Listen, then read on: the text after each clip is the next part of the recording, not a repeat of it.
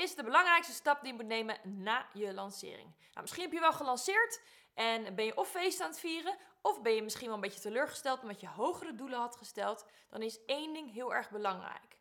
Of je nou feest viert of niet. En dat is het debrieven van je lancering. De reden waarom je gaat debriefen is omdat je de emoties van de feiten wilt loskoppelen. Want misschien op basis van je emoties denk je van dit was helemaal niks, ik ga een ander product maken, ik ga het helemaal anders doen. Uh, en als je naar de feiten kijkt, kan je misschien zien dat eigenlijk het er nog niet eens zo heel erg slecht bij staat en dat je bepaalde dingen kan tweaken en dat je dan de volgende keer beter kan lanceren. Dus zorg dat je de emoties los kan koppelen van de data, eigenlijk de gegevens, de feiten. Dat betekent niet dat je gevoelens niet belangrijk zijn. Hè? Het is altijd goed om je gevoelens te debrieven, want uh, gevoelens zijn gewoon legit. Alleen willen we niet op basis van die gevoelens uh, volgende stappen gaan zetten. Je gevoelens zijn niet uh, leidend voor de strategie die je gaat bepalen. Dus waar gaan we naar kijken bij een debrief? Nou, het allerbelangrijkste cijfer is altijd je conversion rate, je conversiecijfers. Uh, dat zijn alle mensen die zich bijvoorbeeld hebben aangemeld voor je lancering. Dus bijvoorbeeld hebben aangemeld voor je masterclass of je challenge. En een percentage daarvan, een aantal daarvan, zijn klant geworden. Um, zijn het vijf klanten op 100 mensen die in je lancering meedoen, dan is je conversiepercentage van 5. Zo bereken je dat. Nou, dat is het allerbelangrijkste getal, dus daar begin je mee. Dat doe je bij iedere lancering. Zo kun je namelijk zien uh, of de lancering beter zou gaan of minder goed. Het kan ook een beetje aan de tijd liggen, maar het is altijd belangrijk dat je goed naar je uh, conversienummers blijft kijken. Bij je allereerste lancering ga je dat conversienummer bepalen.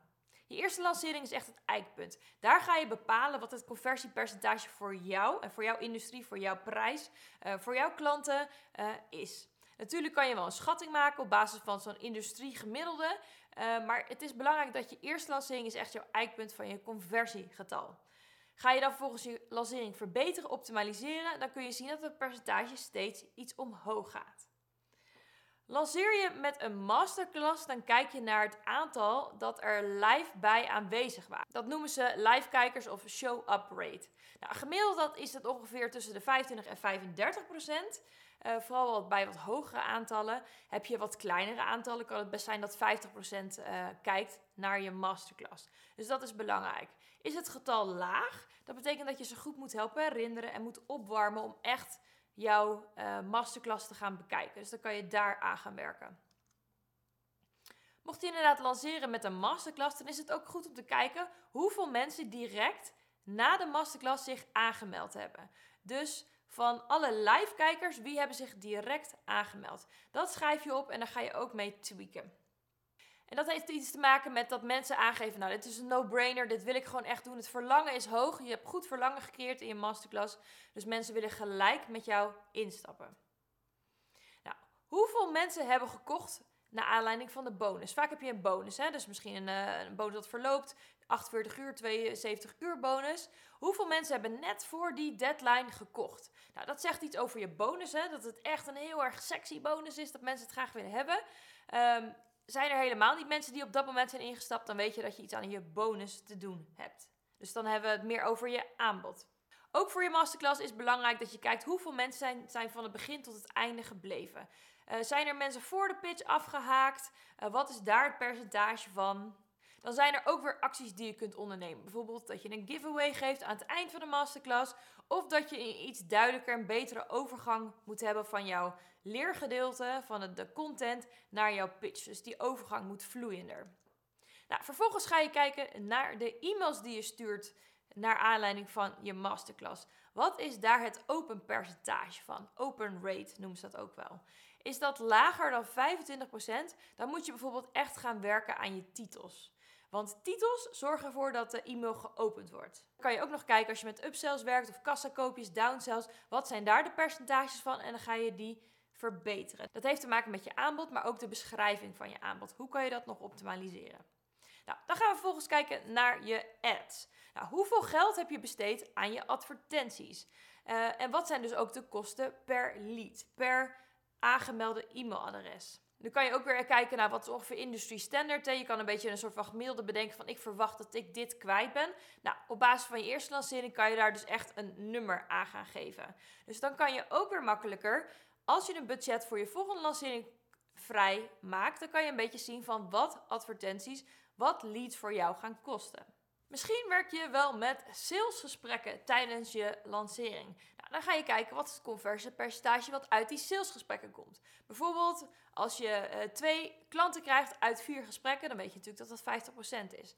Als je dan vervolgens kan concluderen dat de meeste klanten, of misschien wel alle klanten, eigenlijk alleen maar door die gesprekken zijn ingestapt, dan kan je dat bijvoorbeeld als standaard onderdeel van je lanceerstrategie gaan bepalen. Dus dat mensen eerst via een gesprek moeten gaan instappen.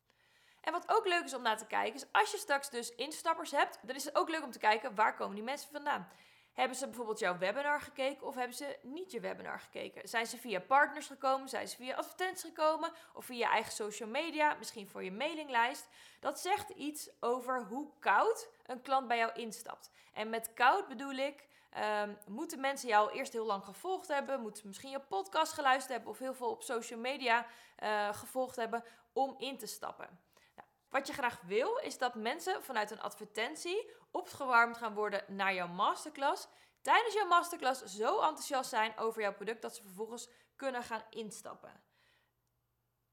Op deze manier kan je namelijk heel erg snel groeien. Als mensen jou bijvoorbeeld nog heel erg lang moeten volgen via social media om echt dat vertrouwen te kunnen wekken, dan zijn er nog wel dingetjes in je masterclass die je kan aanpassen. Op deze manier kan je dus een lancering echt helemaal gaan uitpluizen. Maar de meeste mensen die evalueren niet. Waarop ze echt gaan lanceren op basis van gevoel. En dat willen we eigenlijk niet. Uh, lanceren heeft echt te maken met energie en hoe je je voelt en hoe je jezelf opstelt. Maar aan de andere kant is het ook gewoon cijfertjes. En hoe meer we dat in kaart kunnen brengen, hoe makkelijker we dingen kunnen gaan verbeteren. Bijvoorbeeld, dan kan je zeggen van ik ga voor 1000 euro adverteren, want dan verwacht ik 200 leads. En ik weet dat met 200 leads straks 5000 euro inkomen gaat gegenereerd worden. Hoe makkelijk durf je dan advertentiebudget vrij te gaan maken, omdat je weet dat het werkt, dat mensen converteren, dat het geld in het laadje brengt, dan is het dus niet erg om dat geld te reserveren voor je lancering. Dus een debrief heeft echt het doel om naar de verschillende onderdelen van je lancering te kijken en dan vervolgens gaan tweaken en aanpassen. Niet 100% iets helemaal nieuws te bedenken uh, of een heel nieuw aanbod omdat je denkt dit werkt allemaal niet, maar bijvoorbeeld um, dingen gaan tweaken. Zoals je koppen van je e-mails aanpassen, je webinar beter maken, je upsell aantrekkelijker maken. Zo kan je elk onderdeel gaan verbeteren. En dan kan je volgende lancering er natuurlijk al een stuk beter uitzien. Stel dat je lancering echt gigantisch goed gegaan is. Dan ga je nog steeds kijken naar de verschillende onderdelen. Wat heeft er dit keer voor gezorgd dat het heel erg goed liep? Wat is mijn conversiepercentage? Kunnen we dat nog verbeteren? Zelfs een goede launch kan je nog steeds op kleine puntjes blijven verbeteren. En dat is ook wat de hele grote namen die miljoenen lanceringen doen, die verbeteren elk onderdeel. die gaan telkens uh, lagen creëren waardoor er meer mensen gaan instromen. Zo ga je gewoon niet langer werken op basis van je gevoel, maar vanuit cijfers. Wat het veel makkelijker maakt om de volgende keer nog groter te lanceren. Wil je nou hulp bij het lanceren, misschien voor een eerste keer, of je wil gewoon optimaliseren, nog groter lanceren, kijken waar jouw groei is? Neem dan even contact met me op, dan boeken we een lanceerstrategiegesprek en dan kan ik kijken waar ik jou kan helpen. Link vind je in de bio of hieronder. Dankjewel voor het luisteren. Doeg!